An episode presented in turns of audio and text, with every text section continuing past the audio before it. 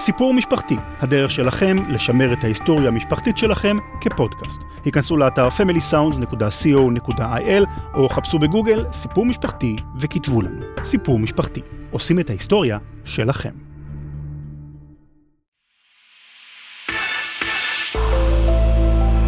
רשת עושים היסטוריה. רשת עושים היסטוריה. רשת עושים היסטוריה. שלום לכם, אנחנו בעוד פרק של עושים פוליטיקה. לאור ההתפתחויות הפוליטיות הדרמטיות, החלטנו לקפוץ לאולפן להקלטת בזק רגע לפני השבעת הממשלה, בניסיון להבין מה סיכויי ההצלחה של ממשלת השינוי שמתכננים להקים בנט ולפיד, בייחוד כשטראומת ברית האחים שלהם עדיין ברקע. בהמשך נחזור גם לפרק שבו סקרנו את ממשלות האחדות שקמו כאן משנות ה-60 ועד ימינו אנו. נארח את הפרשן הפוליטי שלנו, פרשן הבית, רותם דנון, עורך המגזין ליברל. עושים פוליטיקה עם דפנה ליאל.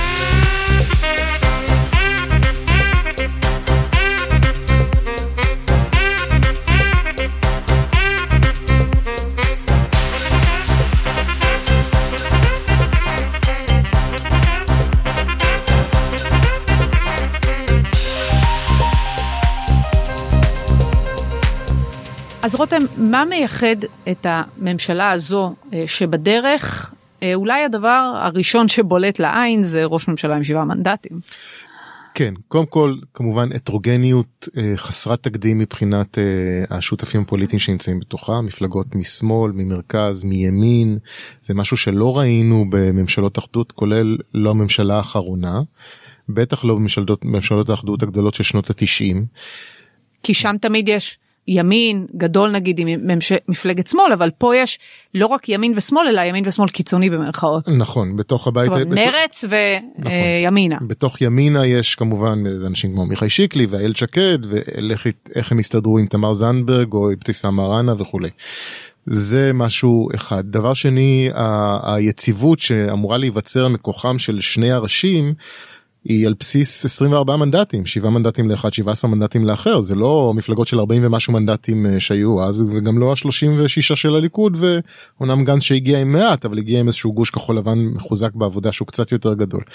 לכן אה, זה חוסר כוח אה, מאוד מאוד משמעותי צריך להסביר בדינמיקה של היום יום זה אומר שאם בנט רוצה להעביר איזושהי חקיקה או רפורמה וכדומה הוא לא צריך לקנות עוד שלוש מפלגות הוא צריך לקנות כולם. עוד בדיוק עוד שש שבע את כולם ולכן זה ל... הרבה יותר מסובך. הממשלה הכי הטרוגנית שראינו בהקשר הזה בעיניי זו ממשלת ברק ב-99 אבל זה נסיבות אחרות כי הוא נבחר בבחירה ישירה אז אתה יחליט להצטרף אליו או לא להצטרף אליו והוא ראש הממשלה הנבחר. אבל ראינו גם איך, איך זה נגמר. זה נגמר כממשלת אה, ישראל אה, קצרת הימים ביותר חוץ מהממשלה הנוכחית כמובן ששברה את השיא המפוקפק של ברק. אבל ידענו שהמפד"ל וש"ס לא יכולות לחיות עם יוסי שריד ומרץ וראינו את ההתפרקות הזאת מגיעה מהר מאוד גם על גם על בסיס נושאים אזרחיים ופרשת המשכן כמובן על בסיס נושאים מדיניים משא ומתן עם סוריה ואחר כך עם הפלסטינים. וכאן זה עם פוטנציאל נפיצות עוד יותר אה, גדול כי בסוף יש כאן קצוות הרבה יותר רחוקים וכמה שאתה היא... תחליט לברוח מנקודות המחלוקת ולהתמקד במשותף. בתשתיות בכלכלה וכולי סטטוס קוו בענייני אה, דת ומדינה יחסי. אולי סוף סוף יגיעו למשבר האקלים. בדיוק אולי ידברו על משהו נכון משהו שאפשר יאללה. משהו שאפשר להסכים עליו ראוי אגב שזה יהיה נושא אה, ליבה בפוליטיקה הישראלית מה שלא קרה עד היום אבל יש לך תמיד אירועים אקסוגנים והאירועים האלה מגיעים כל יום אם אתה רוצה או לא רוצה. נניח לצורך העניין סתם נשחק באיזושהי היפותזה שג'ו ביידן רוצה לתת לממשלה הזאת מלוא חבל החיים ולא לוחץ עליה בשום מקום לא חידושי משא ומתן לא הקפאת בנייה בהתנחלויות שום דבר אוקיי? שומרים על הסטטוס קוו. אבל אנחנו עכשיו מדברים תוך כדי זה שאנחנו לא יודעים אם יהיו בחירות או לא יהיו בחירות ברשות הפלסטינית הרי מחמוד עבאס אבו מאזן עשה מהלך משוגע בקביעת הבחירות האלה כדי להפחיד את העולם וכדי לאתגר את ישראל וכדי לאתגר את ארצות הברית והאיחוד האירופי. ואולי כנראה הם לא יצאו לפועל אבל אבל אם מה שקורה בהאג או במקומות מה שקורה בהאג או מה שקורה בדברים כאלה. אבל אם לצורך העניין כן קורות בחירות ברשות הפלסטינית וחמאס עולה הממשלה הזאת נדרשת להגיב נכון? איך מגיבים? מה עושים? מדברים ישירות עם חמאס כמו שיציע הצד השמאלי או כמו שראש הממשלה בנט, את יודעת, יהיה במלכוד גדול, זה יגיע מכל מקום, זה יגיע כמובן גם בתקציב. איך אתה מתייחס לחרדים שהשארת אותם בחוץ? יש לך צד אזרחי גדול מאוד בתוך יש עתיד, שאולי היא מפלגה מושמעת, אבל עדיין, יש לך במרץ, יש לך בעבודה עם הרב מיכאלי, כאלה שלא יסכימו לתת הרבה מתנות לחרדים אה, בתוך המסגרת התקציבית, מתנות במרכאות כמובן, אבל, אבל מצד שני לפיד ובנט, כמובן סער, לא ירצו להכעיס את החרדים. כן, למרות ליברמן, שכאן- ליברמן לעומת זאת הוא בן אדם שצריך אה, לשמור על איזשהו כן, פאסון. למרות שכאן דווקא בענייני דת ומדינה יש קצת יותר אחידות מאשר בנושאים המדיניים כי דת בסך ומדינה, הכל אבל יש הבדל בין יחס לדתיים מבחינת אה, תקצוב. חד משמעית. אתה צריך להגיע למתווה גיוס או לא צריך להגיע למתווה רגע אבל גיוס? מאיזשהו מנגנון אה, בוררות פתרון סכסוכים ש... אז פה היתרון הגדול נגיד לעומת אהוד ברק שהיה המנהיג הכי גרוע מבחינת אה, אינטליגנציה רגשית כמו הוא אינסטרומנטלי כמו ביבי אבל פחות יצירתי מנתניהו ביכולת אה, מצד אחד לשמר אה, אנשים מצד שני להפחיד אותם מספיק כדי שלא יברחו לך. אז אצל ברק זה התפרק בצורה קטסטרופלית כאן לעומת זאת יש לך אנשים שאמורים להיות מתחזקי הקואליציה שהם ליברמן שאמור ללכת קצת רחוק מהבטחות הבחירות שלו כדי לשמר את הקואליציה הזאת ובעיקר אנשים כמו, כמו גדעון סער כמו זאב אלקין שצריכים כל הזמן לחבר את החלקים את הפאזל המאוד מורכב הזה ביחד. זאת אומרת אתה סומך מאוד על מאוד מאוד. האינטליגנציה הרגשית שלהם אתה סומך על יחסי האנוש שלהם על הפייר פליי שלהם על ההוגנות שלהם. קודם כל יש פה הוגנות כי כמו שראינו בברית האחים אנחנו מכירים את שני הג'נטלמנים האלה אצל נפתלי בנט ואצל יאיר לפיד מילה היא באמת מילה. כלומר הם יעמדו בסיכומים שלהם. לפיד בטח לא ירצה להפיל את הממשלה הזאת כי יש לו ראשות הממשלה בהמשך אבל צריך גם להגיד משהו אחר אה, על לפיד בהקשר הזה שהוא מרוויח מכל העולמות. כלומר כרגע הוא מרוויח אם הוא יהיה באמת ראש ממשלה ברוטציה אבל גם אם הולכים לבחירות בסוף מצבו יותר טוב מכל השותפים שלו ש, שבגוש והוא כבר ממוצב חד משמעית בראש המחנה והוא לא יגמור 17 מנדטים. הוא לא יהיה במקום האלטרואיסטי הזה שהוא היה בבחירות האחרונות הוא רק יעלה הוא יהיה מנהיג הגוש הטבעי והמועמד לראשות ממשלה. תראה אז אולי באמת עם כל הכבוד למנגנונים ולהסכמים ובמה כן עוסקים ומה לא עוסקים הדבק שבאמת ישמר את הקואליציה הזו שעל פניו נראית כחסרת סיכוי לחלוטין לחיות לאורך זמן זה הדבק הפוליטי כי בנט אחרי שהלך עם מפלגות השמאל ודאי לא ירצה לפ- לפגוש את הבוחר הישראלי תוך זמן קצר. גם שר אני לא יודעת מה מחכה לו בחוץ ולפיד ודאי ירצה לשמר את הקואליציה הזו כי יש לו הסכם רוטציה לעוד שנתיים אז יכול להיות שדווקא בהפוך על הפוך זאת תהיה ממשלה מאוד מאוד יציבה. נכון אנחנו צריכים כי הרי ו- בסוף מה גורם לסכסוכים רותם לא באמת הוויכוחים האידיאולוגיים בוא נודה על האמת אלא האינטרס הפוליטי של אחד השחקנים אה, נכון אבל יש לך כל כך הרבה שחקנים חופשיים בתוך הקואליציה הזאת שזה תמיד יכול שאף אחד מהם לא רוצה לראות קלפי ארבע שנים לפחות. ועדיין ועדיין בין קרבות טוויטר לנאומי מליאה להצעות חוק מתריסות תמיד יכולים יכולות להיות נקודות שבר נכון הדבק הפוליטי פה זה השרידות והאינטרס של כל אחד מהשחקנים המרכזיים שני ראשי הממשלה והשותפים הבכירים שלהם ליברמן סער וכולי זה נכון. אבל הם צריכים צריך לזכור עוד דבר אחד הם התייחסו לציר זמן אחר שמתנהל במקביל וזה בעצם ציר הזמן שגם מנהל אותנו פוליטית שזה הציר המשפטי של בנימין נתניהו. בנימין נתניהו הצטיין באמת הכי הצטיין בשני תפקידים פוליטיים שמילא אה, בשלושים שנה האחרונות ואני לא מדבר על ראשות ממשלה לצערי זה, כר, זה כראש אופוזיציה הוא היה ראש האופוזיציה הכי טוב מול רבין והיה ראש האופוזיציה הכי טוב מול אולמרט הוא ריסק את ממשלת אולמרט והוא עשה את זה באמצעים כשרים באמצעים לא כשרים באמצעים אה, אה, הוגנים באמצעים לא הוגנים אני אגיד לך הפוך. מהפגנות המילואימניקים. ועד להביא את, אה, לאתר את טלנסקי והכספים שזורמים ונתניהו במצב כרגע הוא נתניהו הרבה יותר מסוכן ממה שהיה אז. אני אגיד לך הפוך כל עוד הוא קיים הם בחיים. כל עוד הוא קיים הוא הדבק. נכון, ולכן צריך-. לכן צריך וכל עוד להסתכל- הם רואים את האיום הזה שם או, עכשיו- או, או, אתם זוכרים מה היה לנו מה אז אנחנו ממשיכים בנט ביחד כי מה אחרת הוא נפתלי בנט ינצח אותנו. מה נפתלי בנט אומר בשיחות סגורות ודברים שברורים לנו.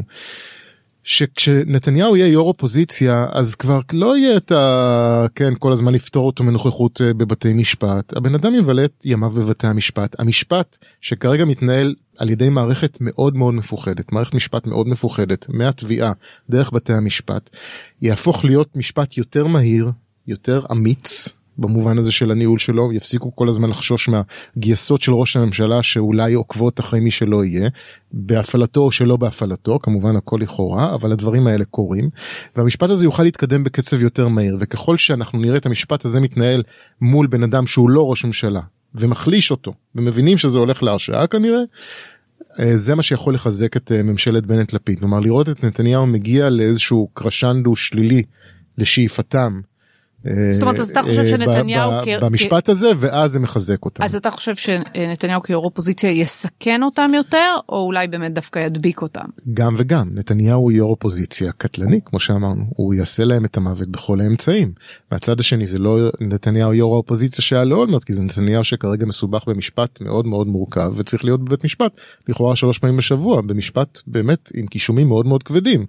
ולכן אם המשפט יתקדם בקצב מהיר, זה משהו שידביק את הקואליציה הזאת ביחד. אם המשפט ימשיך להיות בעצלתיים זה משהו שיכול לסכן את הקואליציה ככל שנתניהו יהיה לו כוח אה, מתוך הליכוד הוא יצליח לשמר את הליכוד תחתיו כיו"ר אופוזיציה ולא יהיו מרידות שיש לזה פוטנציאל בטח בניגוד לשנים קודמות ולא יהיו מרידות אז נתניהו יכול בהחלט לסכן אותם הם כל הזמן יכולים לאתגר את הקואליציה הזאת באלף ואחת צורות. אז לפני שנעבור לסקירה של ממשלות אה, נוספות שחלקן הצליחו יותר וחלקן הצליחו אה, פחות אז מה היית מגדיר את אה, נקודות החוזן של הממשלה הזו מול מה הסכנה הגדולה שלה? שתי נקודות החוזק הגדולות של הממשלה זה זה השחקנים ש, שמובילים אותה שהם כבר פוליטיקאים משופשפים והם באים עם, עם, עם הצהרת כוונות באמת כנה לשמר את הדבר הזה ולגרום לדבר הזה להצליח. וזה משהו שהוא חשוב מאוד כי אנחנו יודעים שבניסויים המקולקלים של נתניהו וגנץ נתניהו כבר הכניס לכתובה אה, מקומות שבהם הוא יכול להתחמק מהם ודאג לרמות את השותף שלו לאורך כל הדרך. כאן אין כוונה כזאת. לפיד לא מתכוון לרמות את, אה, את, את אה, בנט ובנט לא מתכוון לרמות את לפיד וסער גם רוצה לראות את הדבר הזה קורה לטווח ארוך הוא רוצה לבנות את המפלגה שלו אולי לייצר איזשהו איחוד מפלגות לכל אחד יש פה איזשהו אינטרס אחר אבל האינטרסים האלה משתלבים הדבר השני שמחזק את הממשלה הזאת זה מי שעומד מולה יו"ר האופוזיציה בנימין נתניהו. שהוא סכנה מאוד משמעותית והם צריכים לראות אותו נחלש גם משפטית וגם פוליטית לאורך התקופה כדי שהוא לא יהווה איום עליהם והוא יהווה איום עליהם אז ככל שהם לא יהיו חזקים ומלוכדים מספיק וחדורי מטרה הם ייתנו לו את האפשרויות ל- לעשות את הקלקולים האלה. כן אני חושבת שבאמת אחד הגיים צ'יינג'רים מבחינת הממשלה הזו זה באמת האופרטורים שלה סער ואלקין שבסבבים קודמים היו בצד השני ועזרו מאוד אה, לנתניהו בהקשר הזה. לפני שנעשה את הסקירה ההיסטורית אה, שלנו של ממשלות האחדות בוא נסכם קצת את ממשלת גנץ ונתניהו אני חושבת שאפשר לעשות את זה יחסית בקצרה שאפשר לגעת באמת בהמון המון אספקטים ופשוט לומר אה, היה כאן ניסיון רמייה מכוון. שפשוט תפיל את כל העסק כי כל שאר האלמנטים להצלחה היו היו קיימים. נכון יש לך שנת משבר במשבר אתה אמור להתעלות להפך המשבר הרי מסיט אותך מכל מיני נקודות מחלוקת גם הנקודות מחלוקת האחרות כמו הסיפוח שלא היה הרי זה זז הצידה הגיעו הסכמי אברהם במקום אנחנו אומרים היינו אמורים לצאת לכיכרות יחד ולשיר אה, כתף אל כתף אח אל אח בחיבוקים גדולים נכון? זה זה לא קרה כי באמת הממשלה הזאת הייתה אה, מעשה רמייה שהיה אמור לשחק על, אה, על זמן לקראת אה, בחירות אחרות בחירות שכבר היו יכולות להגיע בקיץ הקודם אני מזכיר לך. ולכן מראש ידענו שזה לא יצליח הבנו למה זה לא יצליח. גנץ אני חושב גם רע הוא נכנס לזה בעיניים פקוחות. כל ה... טענות על זה שהוא לא זיהה את הסעיף בהסכם שנותן לנתניהו את הפתח מילוט את אותו עקב אכילס של ההסכם המשוריין בברזל כולל שינוי חוקי יסוד וכולי שנותן לו את הממשלה הפריטטית ואת הרוטציה בתאריך נקוב הוא כן ראה את זה הוא ידע את זה אבל זה כבר היה שלב שבו הוא מספר חד ספרתי בסקרים נתניהו 40 ומשהו מנדטים בסקרים בשיא משבר הקורונה בסגר הראשון.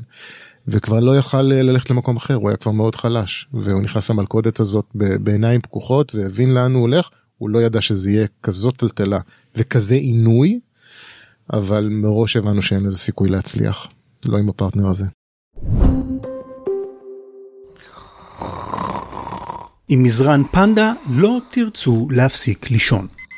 פנדה במבצע מיוחד למאזיני רשת עושים היסטוריה, עם 15% הנחה נוספים על כלל המבצעים באתר, בקוד קופון עושים 15, OSIM 15.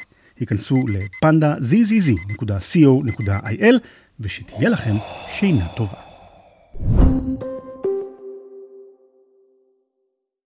אז קודם כל בוא אה, ככה נשים את עצמנו באמת אה, ניישר קו ונחשוב איך אנחנו רוצים להגדיר יחד בכלל את המונח הזה ממשלת אחדות לקראת הפרק הזה ולמה בכלל המודל הזה כל כך אה, יוצא דופן ומשונה. אז באמת כמו שציינת זה מודלים שונים שחווינו זה יש יש מודל שבו יש גוש די הומוגני מוביל. ואליו מצטרפת מפלגה יחסית גדולה או גדולה מהצד השני, או שיש באמת משהו שמונח שאנחנו מכירים היטב מימי הדיונים האלה, פריטטי, שוויוני יחסית, עם שני כוחות מובילים, לאור uh, תוצאה שהיא פחות או יותר uh, שוויון, או באמת שוויון מוחלט. אז אנחנו גם נדבר על ממשלת גנץ ונתניהו שהיא פריטטית אבל לא באמת כי יחסי הכוחות לא שוויוניים נגיע לזה בהמשך אבל בוא נתחיל מההתחלה מממשלת הליכוד הראשונה שקמה לנו בינואר 1966 בכנסת השישית מה גורם לשני הצדדים אה, להתכנס יחד. שתי המפלגות שנכנסות לאותה ממשלת ליכוד לאומי, שקורית אגב שלושה ימים לפני פרוץ מלחמת ששת הימים, אז אותה ממשלה אה, מגיעה מסיטואציה פוליטית אחרת. אחד, מפא"י שונה, שכבר הופכת בעצם למערך, שכוללת את אחדות העבודה, זו מפלגה אחרת, אפילו את אחדות העבודה, בן גוריון לא רצה להכניס בזמנו לתוך אה, מפא"י ולעשות אה, איזשהו איחוד, ואשכול היה מוכן. ובגין מצידו, שהיה נחשב אה, מאוד חזק במחנה שלו, אבל מאוד מוגבל, הוא רצה להתמתן, הוא רצה להתמרכז, ולכן באותן בחירות הוא מצרף אליו את, אה, את הליברלים, שהיו בעצם שילוב של הפרוגרסיביים והציונים הכלליים, שזה סוג של ימין רך כלכלי, מעמד ביניים, מפלגת מרכז, זה מאוד ממתן אותו. וזה הרבה יותר קל לעשות את האיחוד הזה. אז בעצם אנחנו מגיעים לסיטואציה הזו כשגם אשכול פניו להתמרכזות וגם בגין פניו להתמרכזות והם ניצבים בפני uh, אתגר ביטחוני uh, משותף ומחליטים לשתף פעולה אבל זו בטח לא ממשלת אחדות כמו שאנחנו מכירים אותה מהימים האלה. נכון, אשכול, למרות שהוא יחסית חזק פוליטי, ערב ששת הימים, כולם זוכרים את אה, נאום הגמגום ברדיו, המדינה בחרדה מוחלטת, ויש לחץ גדול להכניס לא את המפלגה הזאת, את גחל של בגין, אלא דווקא מפלגה אחרת, את רפי של פורשי מפא"י. פרס, דיין וכמובן בן גוריון. בן גוריון נשאר באופוזיציה, רפי מצטרפת, אבל אשכול רוצה לעשות את זה כמשהו רחב יותר, ולכן הוא פונה לבגין ולספיר מהליברלים, ומציע להם להצטרף. הם נכנסים לממשלה, קוראים לה ממשלת ליכוד לאומי, הם, הם מתמנים לשרים בלי תיק, וככה הממשלה הזאת נוצרת, למעשה בסיטואציה ששוב, רק בגלל שיש כאן מציאות פוליטית שאינה כוללת את בן גוריון, אפשר לייצר איזשהו כר לשיתוף פעולה שלא היה קודם. אבל הסיבה היא סיבה אה, ביטחונית, וזו ודאי לא ממשלת אחדות במובן הזה שאין ספק שמי שמוביל את הממשלה זה אשכול, והוא פשוט מצרף עוד מפלגה קטנה יחסית, אה, שהיא בוא נאמר עוד שותף מבין שותפים רבים. נכון, וזה גם סוג של הצטרפות על תנאי, אני מזכיר, אה, פרס, דיין, אנשים, הם קיבלו תפקידים ביצועיים, דיין התמנה לשר ביטחון בלחץ ציבורי מאוד גדול, אבל בגין וספיר הם מתמנים לשרים בלי תיק, כלומר הם שם.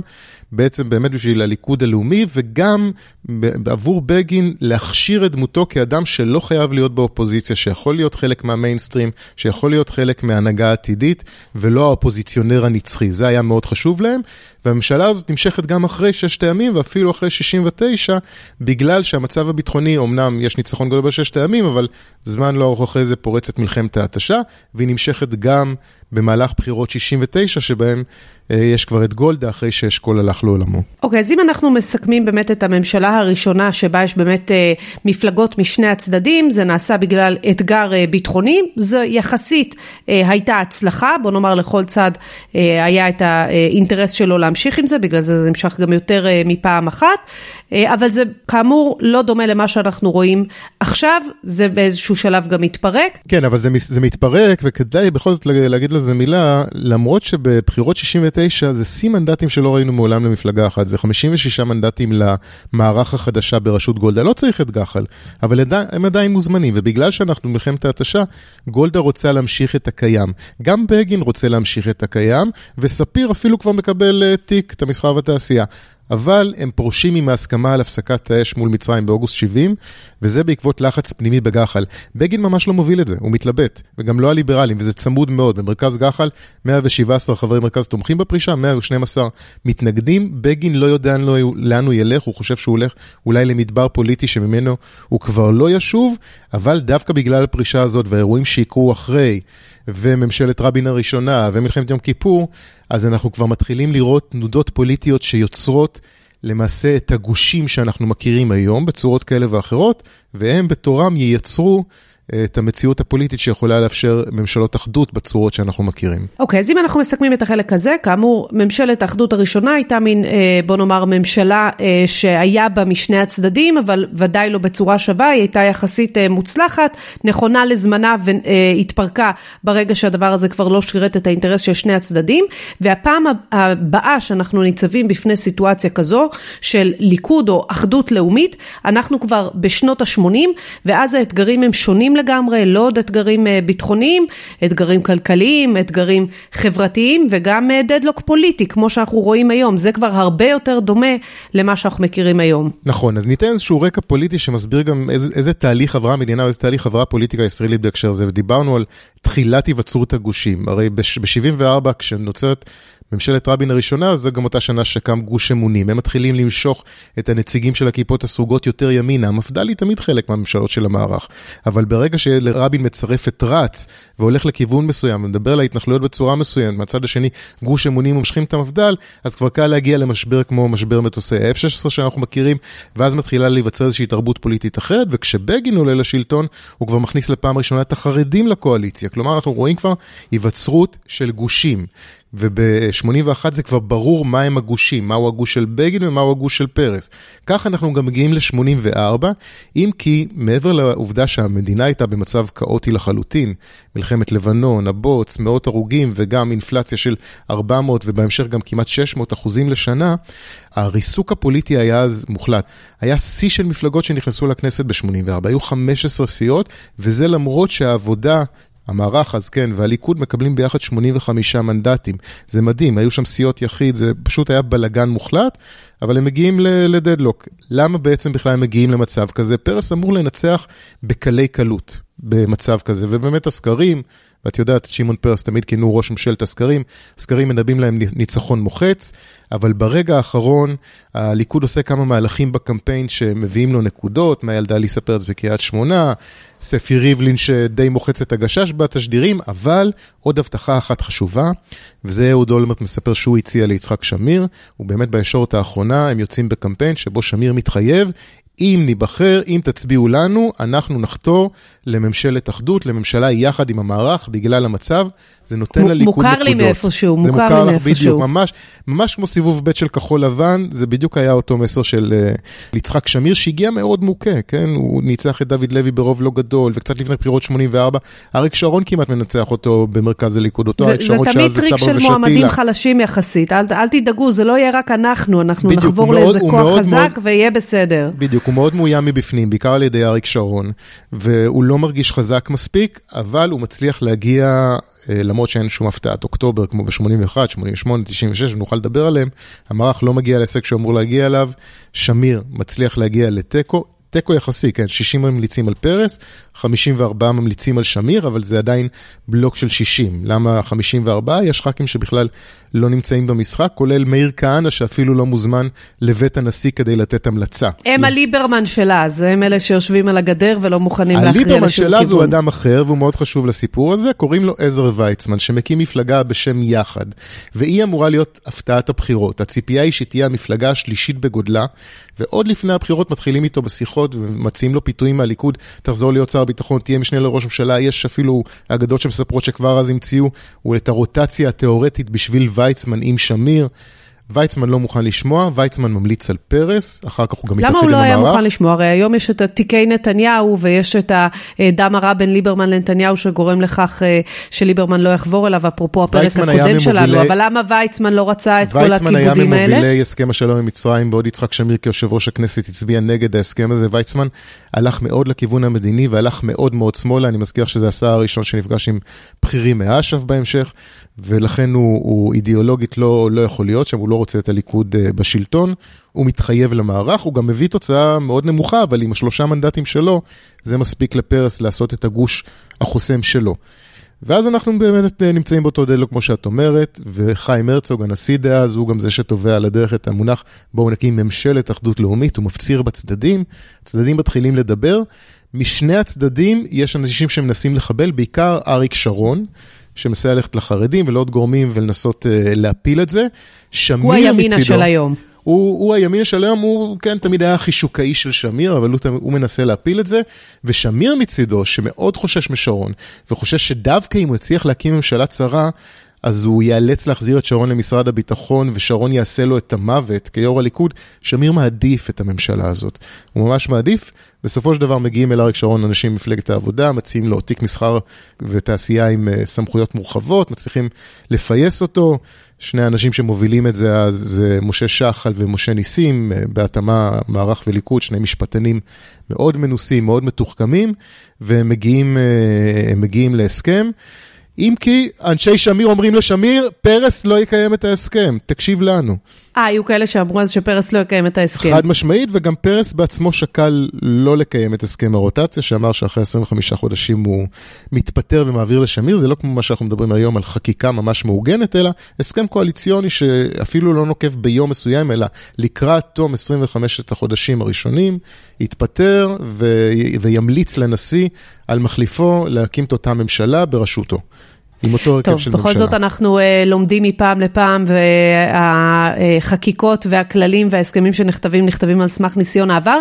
בואו באמת ננסה להבין על סמך מה uh, הוקמה הממשלה הזו, מה היה הסיכום באמת בין שני האישים, uh, ואיך זה עבד uh, בפועל, עד כמה זה באמת הוכיח את עצמו במבחן המציאות. אז קודם כל, נגיד שוב, בשביל המציאות הפוליטית, נסביר שזה באמת דברים שאנחנו ראינו אותם uh, מתהווים אז ואנחנו מכירים היטב היום. המפלגות הדתיות הולכות עם uh, שמיר, נאמנות. לו, וגם נכנסות לקואליציה, בעוד ששמאל רעיוני שמתנגד, אחד לאחדות, שתיים בכלל לממשלה מהסוג הזה, לישיבה עם הליכוד, אז הם מעדיפים להישאר בחוץ. מפה מתפצלת מהמערך, רץ כמובן נשארת בחוץ, שינוי נשארת בחוץ.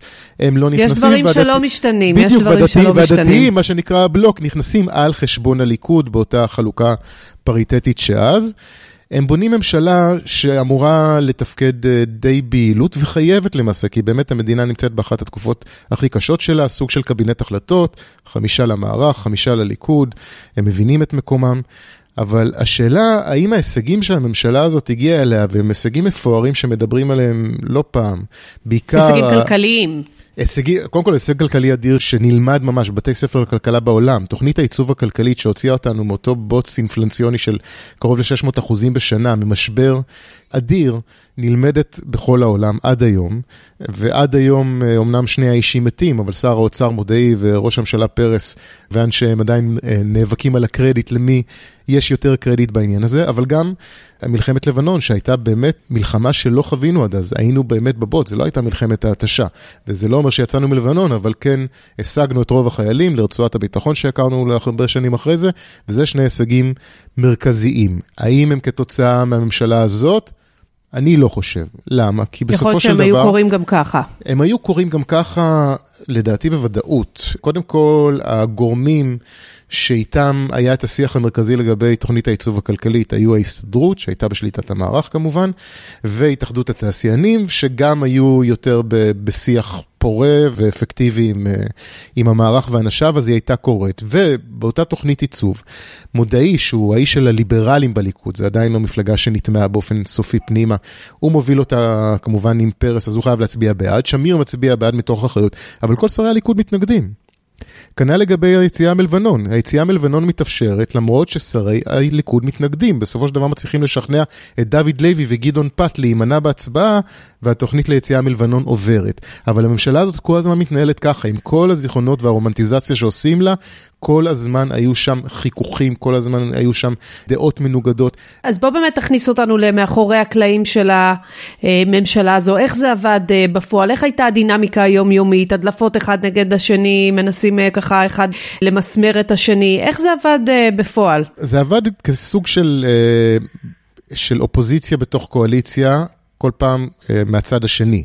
כלומר, כשפרס היה ראש ממשלה, שרי הליכוד תדרכו נגדו, שרי הליכוד פעלו נגדו, השיא נרשם, כשאותו מודעי שאנחנו מדברים עליו אה, לא מעט, אה, קרא לשמעון פרס ראש ממשלה מעופף, כי הוא בא לנסוע לחו"ל, ושמעון פרס שנעלב עד עמקי נשמתו, וכבר באמת נשבר לו מה, מהתדרוכים והעקיצות וההתנגדויות והתקיעת מקלות בגלגלים של שרי הליכוד, דרש מיצחק שמיר לפטר את מודעי, והממשלה כמעט התפרקה על הסיפור הזה. עד שבסופו של דבר הגיעו להסכמה, ובאמת מודעי הוא עף ממשרד האוצר, ועשו הצרחה עם משה ניסים בין משרד המשפטים למשרד האוצר.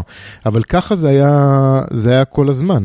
אבל מעבר לזה, אני חושב שהיה בזה אלמנט חשוב, כי למרות הקלקולים, דווקא התקופה הזאת, אנחנו מדברים על תקופה ביטחונית ומדינית אה, די סוערת, עם ממשל לא מאוד אה, ידידותי של רייגן בארצות הברית, שרוצה שאנחנו נתקדם מדינית, שמצרים לא הספיק להם, מה שנקרא, זו התקופה של ממשלת האחדות, אני חושב, עיצבה יותר מכל את השמאל והימין המדיני שאנחנו מכירים היום. כלומר, הם נולדו שם, בממשלה הזאת.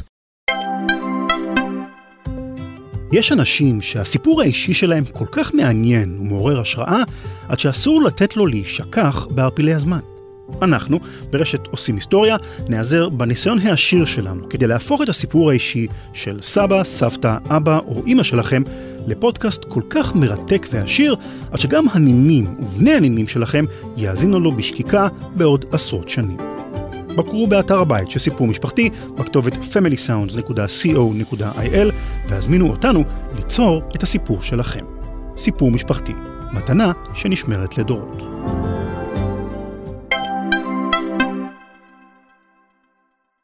זה מעניין לשמוע רותם שבמקום שממשלת אחדות תביא לאחדות והתקרבות אידיאולוגית אולי דווקא גורמת לכל אחד כל הזמן לחדד את העמדות שלו וככה לעמוד על המשמר אה, וזה מה שיצר באמת את אותה, אה, נכון, אותו חידוד וזה, אידיאולוגי שאתה מדבר וגם, עליו. וגם אז... חוסר אמון מוחלט. תשמעי, כשיצחק שמיר נכנס ל...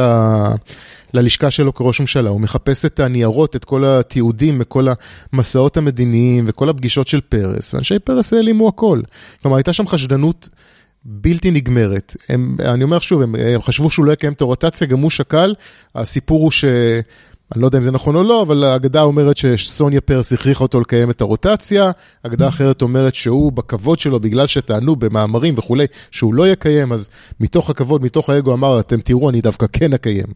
אבל אה, שוב, זה באמת חשדנות בלתי נגמרת, וכשפרס הופך לשר חוץ במקום שמיר, ושמיר הוא ראש ממשלה, זו כבר אופרה אחרת לגמרי. אחד, כי כבר נפטרנו משתי הצהרות המרכזיות, שזה לבנון ו- והמשבר הכלכלי, ועכשיו פרץ רוצה, להת- פרץ רוצה להתקדם ולהגיע לבחירות 88 עם uh, נקודת מינוף מאוד מאוד uh, חזקה.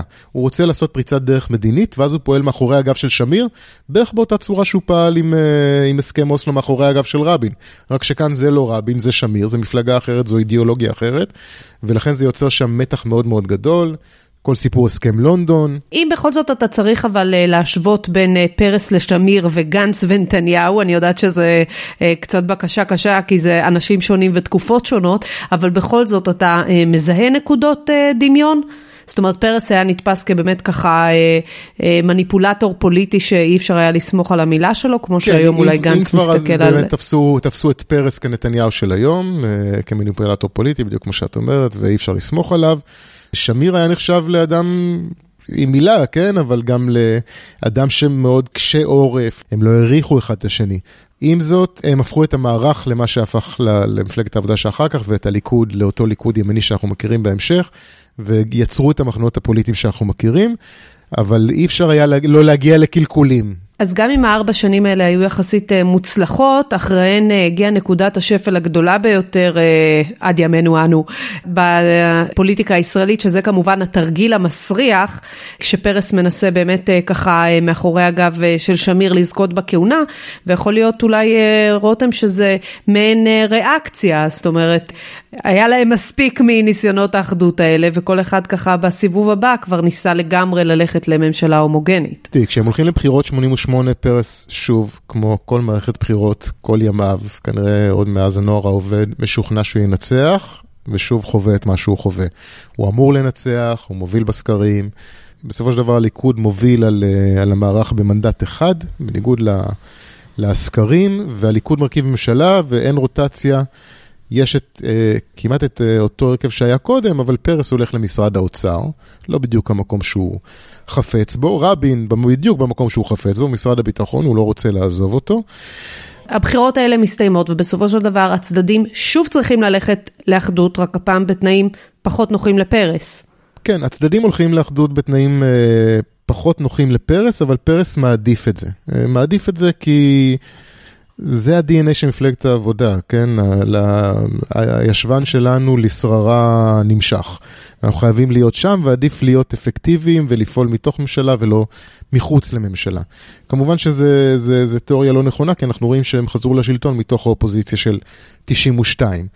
אבל רותם, אם אנחנו מנסים להבין מה בעצם גרם לזה שממשלת האחדות השנייה של 1988 לא האריכה ימים, האם נכון לומר שהמודל שבו לא היה רוטציה, זאת אומרת שרק שמיר אמור היה לשלוט לאורך ארבע שנים, היא הייתה שורש הרע, זה מה שהיה אחד המניעים המרכזיים של פרס לנסות אה, להפיל אותו מאחורי אה, גבו ולעשות את התרגיל המסריח? אני חושב שברגע שנוצרו נסיבות שמאפשרות את זה, לא היה סיכוי שפרס אה, יימנע מלעשות תרגיל כזה. אבל שוב, אבל הוא הנסיב... יצר את הנסיבות. אבל לא, לא, הוא לא יצר את הנסיבות, כי הנסיבות הן אחד שהוא סחב שלוש שנים איתו את העניין של הסכם לונדון ששמיר אה, אה, קטל ו- וקבר עוד לפני שנולד. אני מזכיר שאינתיפאדה משתוללת בחוץ ויש לחץ גדול מארצות הברית, וברגע שאתה מזהה איזשהו סיכוי לקחת גורמים מהצד השני ולעשות חילופים בתוך הכנסת, כל פוליטיקאי טוב היה מנסה לעשות את זה. זה לא ששמיר נבחר באיזשהו רוב מוחץ, הוא נבחר במנדט מעל המערך, ולכן אפשר לקרוא לזה התרגיל המסריח, והוא אכן תרגיל מסריח במובן של איזה מחירים היו מוכנים לשלם אז, בעיקר למפלגות הדתיות, שבסוף לא נכנסו, כן? וזה משהו מאוד חשוב. למה הם לא נכנסו? שם נכנס המרכיב הזהותי, הרבנים מתערבים, אותו נאום של הרב שך על אוכלי השפנים מהקיבוצים, שזה בעצם נאום שאומר, המפא"י, המערך, זה הכל אותו דבר ואיתם אסור לשבת. הם בסוף חוזרים לנאמנות לבלוק, וכך נופלת ממשלת פרס הפוטנציאלית. אבל מה שמניע את פרס למהלך הזה, זה נכון, גם חלון הזדמנויות, אבל גם מרמור מאוד קשה ו- ומורת רוח מההתנהלות של שמיר, בעיקר בצד המדיני, וזה באמת משהו שחשוב לו, זה... זה אי אפשר לקחת מפרס.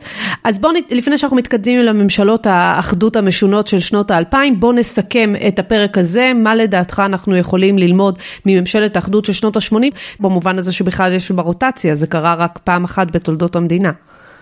קודם כל, את מבינה שזו המצאה ישראלית מוחלטת וזה עיוות, אין, אין דבר כזה בעולם. כלומר, חוץ ממדינה אחת שנקראת שווייץ, שיש בה שבעה שרים ויש רוטציה בין חלק מהשרים בתפקיד ראש הממשלה, כי זה איזשהו מבנה פוליטי שאנחנו לא נבין זאת, הם בטח גם לא יבינו אותנו, לא קיים דבר כזה כרוטציה בשום מקום בעולם.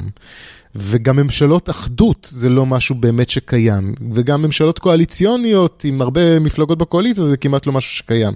אנחנו רגילים למצב הפוליטי הזה, וזה מצב פוליטי ייחודי לנו. העובדה שיש הרבה מפלגות בתוך קואליציה, את יודעת, היחידה באירופה לצורך העניין שיש בה שבע מפלגות בתוך הקואליציה זו איטליה, וזה לא בדיוק אה, דמוקרטיה או שיטה פוליטית שאנחנו מתקנאים בה. המצב אצלנו הוא עקום, והוא זה שייצר את הקרקע שמתוכה יכול לנבוט איזשהו יצור מוזר כזה שנקרא ממשלת אחדות. מה גרם לזה אז ומה אנחנו לוקחים את זה מאז? את הקלקולים של מפלגת העבודה שלא יודעת לשבת באופוזיציה באמת ולבנות תחליף. אלא רוצה לשבת בממשלה והיא חושבת שמשם היא תוכל להמשיך להיות חלופה, ואנחנו רואים לאן זה הגיע, מפלגת העבודה כבר לא קיימת, הלכה למעשה.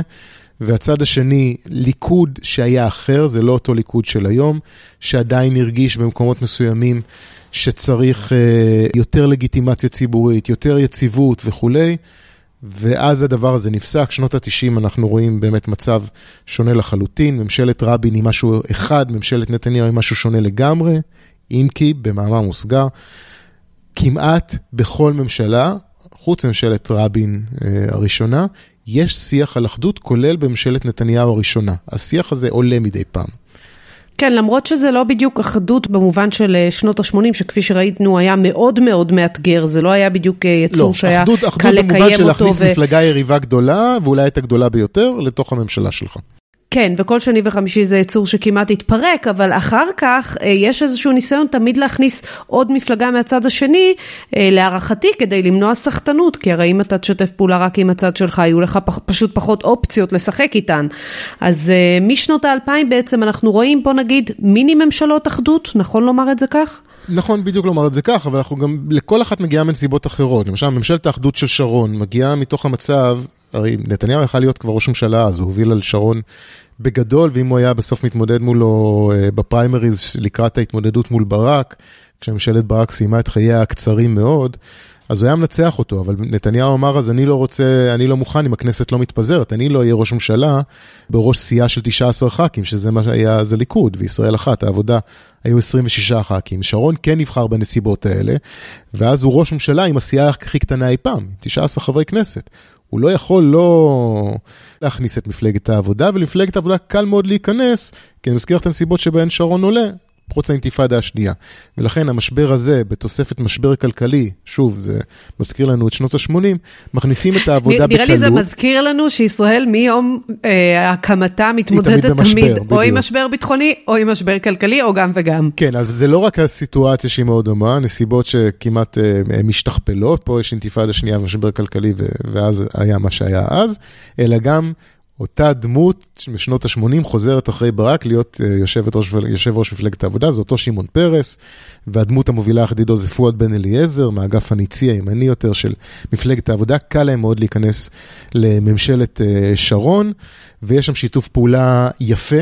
פרס ושרון ודאי פואד ושרון, פואד הופך לשר הביטחון, אה, מוצאים שפה משותפת, הם מצליחים לעבוד יחד, הם מעבירים תקופת חומת מגן והתמודדות כלכלית, והממשלה עובדת לא רע בכלל.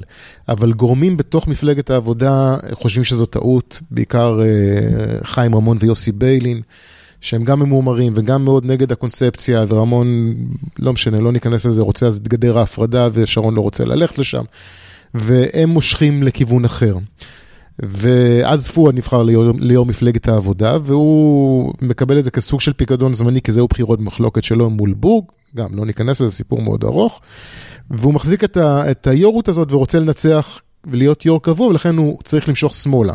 ב-2002, סוף 2002, על דיוני תקציב הם יוצאים מהממשלה, למרות זאת פואד אה, לא נבחר בכל זאת, נבחר עמרם מצנע, שמושך את המפלגה עוד יותר שמאלה, הם נשארים באופוזיציה, ולמרות שעמרם מצנע פורש אחרי מספר חודשים, זה באמת הכהונה הקצרה וההזויה ביותר בראשות מפלגת העבודה, והיו לא מעטות כאלה. אה, שמעון פרס שוב חוזר להיות יו"ר זמני, והם עדיין לא נכנסים, אבל אז הם כן נכנסים לממשלת שרון בנקודת זמן מאוד מעניינת, שתעצב מחדש את הפוליטיקה הישראלית, וזו ממשלת האחדות. שכנראה מלמדת אותנו אה, כמה דברים מאוד חשובים. נדבר על ממשלת האחדות השנייה של שרון עם העבודה. שזה שוב פרס. שהיא זאת שבעצם על הרקע שלה היה מפץ של הקמת קדימה, שמאז הפוליטיקה בדיוק. כבר לא חזרה להיות נול... כפי איך שהיא הייתה. איך זה נולד? שרון מצד אחד אה, מתמרכז מדינית, מפת הדרכים וכולי, ואחרי זה כמובן ב-2004 מכריז על תוכנית ההתנתקות. שרי שינוי אה, שמבינים שאין לו את האג'נדה האזרחית שטוענת להם, פורשים מהממשלה, על רקע התקציב והחרדים וכולי. אה, העבודה נכנסת במקומם, להעביר עם שרון את ההתנתקות, ואז... יש לך אה, שוב שני מחנות בתוך המפלגות הגדולות, ששני המחנות האלה מושכים לכיוונים אחרים לגמרי. אחד זה מורדי הליכוד, שהולכים נגד שרון בסיפור ההתנתקות, ומעבירים נגדו את אותה הצבעה המפורסמת במרכז. מהצד השני, במפלגת העבודה, מרמור על פרס שהוא שוב הלך עם שרון, פרס אמור לנצח בקלילות פריימריז, מדהים אותו אדם בשם עמיר פרץ, ומנצח אותו ב-2005, ובגלל המרמור הזה של מובילי מפלגת העבודה אז, שרמון כבר מצטרף אליהם, וזה בעיקר פרס, רמון, גם דליה איציק ונוספים, והמרמור הגדול מאוד של שרון מהליכוד, ממרכז הליכוד, מהבכירים, מהמורדים, הם אומרים, מתוך ממשלת האחדות הזאת נולדת קדימה, מתוך מטרה לרסק את שתי מפלגותיהם. שרון משוכנע שזה יהרוג את הליכוד, ופרס משוכנע שזה יהרוג את העבודה, והם מקימים פה מפלגת שלטון, מרכז, שתמשול פה עשרות שנים. אז זו בעצם הפעם הראשונה, אה, בסוף היא לא משלה עשרות שנים כמובן בגלל המצב הבריאותי של שרון, אבל זו בעצם הפעם הראשונה שאנחנו רואים שממשלת אחדות הסתיימה באחדות. נכון, הם בעצם פיצלו את המפלגות שלהם, ומתוך ממשלת האחדות הזאת נולדה מפלגת מרכז אה, בשם קדימה, עם בכירים, עם אולמרט, לבני, הנגבי, ועם פרס, רמון, איציק, זה באמת אנשים הבולטים ביותר במפלגות שלהם, מקימים פה אה, מפלגה חדשה לחלוטין, מהניילונים, וזה משהו שלא ראינו עד כה, אני גם לא חושב שנראה לאור מה ש... שהתפתח באמת ב... בתורת הגושים ובסוציולוגיה או פסיכולוגיה הפוליטית של הפוליטיקה כן, בישראל ובא... בתקופת נתניהו. ובפוליטיקה שנהייתה מאוד מאוד ככה, כל גוש מתבצר בצד שלו ורק מנסה להמריץ את האנשים שלו במקום לשכנע את הצד השני. אז בואו ננסה ככה, אנחנו לא נזכור את כולן, רק לומר ככה בכמה מילים את המאפיינים של הממשלות שבאו אחר כך. ראינו לא מעט ממשלות, לדוגמה ברק ונתניהו, היו דוגמאות נוספות לשיתופי פעולה כאלה משני הצדדים. בסך הכל, תקן אותי אם אני טועה רותם, כשמדובר על uh, ממשלה די הומוגנית שרק נוסף לה מרכיב אחד, uh, זה אולי מודל קצת יותר מוצלח מהמודלים הפריטטיים שאולי באופן אינהרנטי גם יוצרים הרבה מאוד ככה חיכוכים, כי כל צד אולי חושב שהוא זה שצריך לתת את הטון, ובשילוב כן... שבו יש רק מפלגה אחת קטנה, זה די ברור מי אמור לתת את הטון, וזה המפלגה הגדולה. אז אני חושב שאנחנו נותנים משקל יתר uh, לאידיאולוגיה ומשקל uh, חסר לפרסונות. כי אם תקחי למשל את, uh, את קואליציית קדימה והעבודה, לכאורה הכל אמור לעבוד בסדר, לא? רוב, רוב אנשי קדימה הם אנשי מרכז, ימין מתון, חלקם אפילו שמאל, מה הבעיה שלהם להסתדר עם מפלגת העבודה, אבל ברגע שאהוד ברק מחליף את עמיר פרץ שם, אז אהוד ברק מחסל לאולמרט את הממשלה, את זוכרת את זה. כן. אז מה לא עובד פה? מהצד השני, נתניהו אגב, וברק. אגב, גם היום הרבה אנשים טוענים שלפיד אה, פירק את כחול לבן בגלל אה, שהוא רצה למצב את עצמו שוב כמועמד המרכז-שמאל וכדומה. גם עכשיו המימד הזה הוא מאוד מאוד חזק. המימד הוא מאוד חזק, כולל דיבורים על כך שליברמן ולפיד מתואמים עוד מלפני סבב א' של בחירות 19, שזה המהלך, בסופו של דבר הם לא ייתנו לאף אחד מהשניים האלה להיות ראש ממשלה. אבל לכי תדעי, אבל שוב, הפרסונות זה משהו מאוד חשוב. נתניהו שמגיע ב-2009, נתחיל ונאמר שבנימין נתניהו לא בנוי באמת לממשלות אחדות.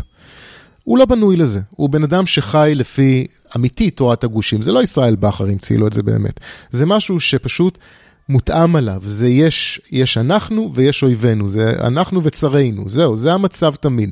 מעבר לזה, זה אדם, אני אזכיר לך את מלחמות הקרדיטים בממשלת האחדות של פרס שמיר, והעובדה שמפלגה אחת לא רוצה לתת קרדיט למפלגה אחרת.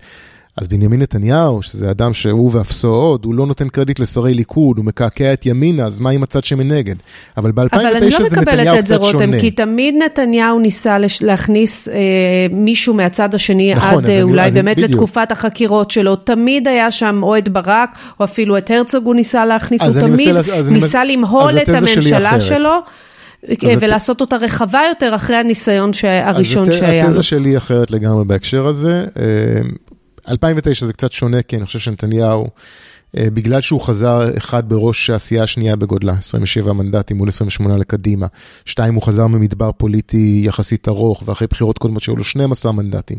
והוא כן עוד רצה לפנות לאליטות. אגב, זו השנה, 2009, שמתחילות שיחות מוזס נתניהו, שנמשכות עד 2014. הוא רוצה לחזור, רוצה להתחבב על האליטות. זה לא אותו נתניהו שאנחנו מכירים עם המלחמות מול כל העולם בואכה בחירות 2015 ואחרי, בטח בתקופת החקירות. זה נתניהו אחר.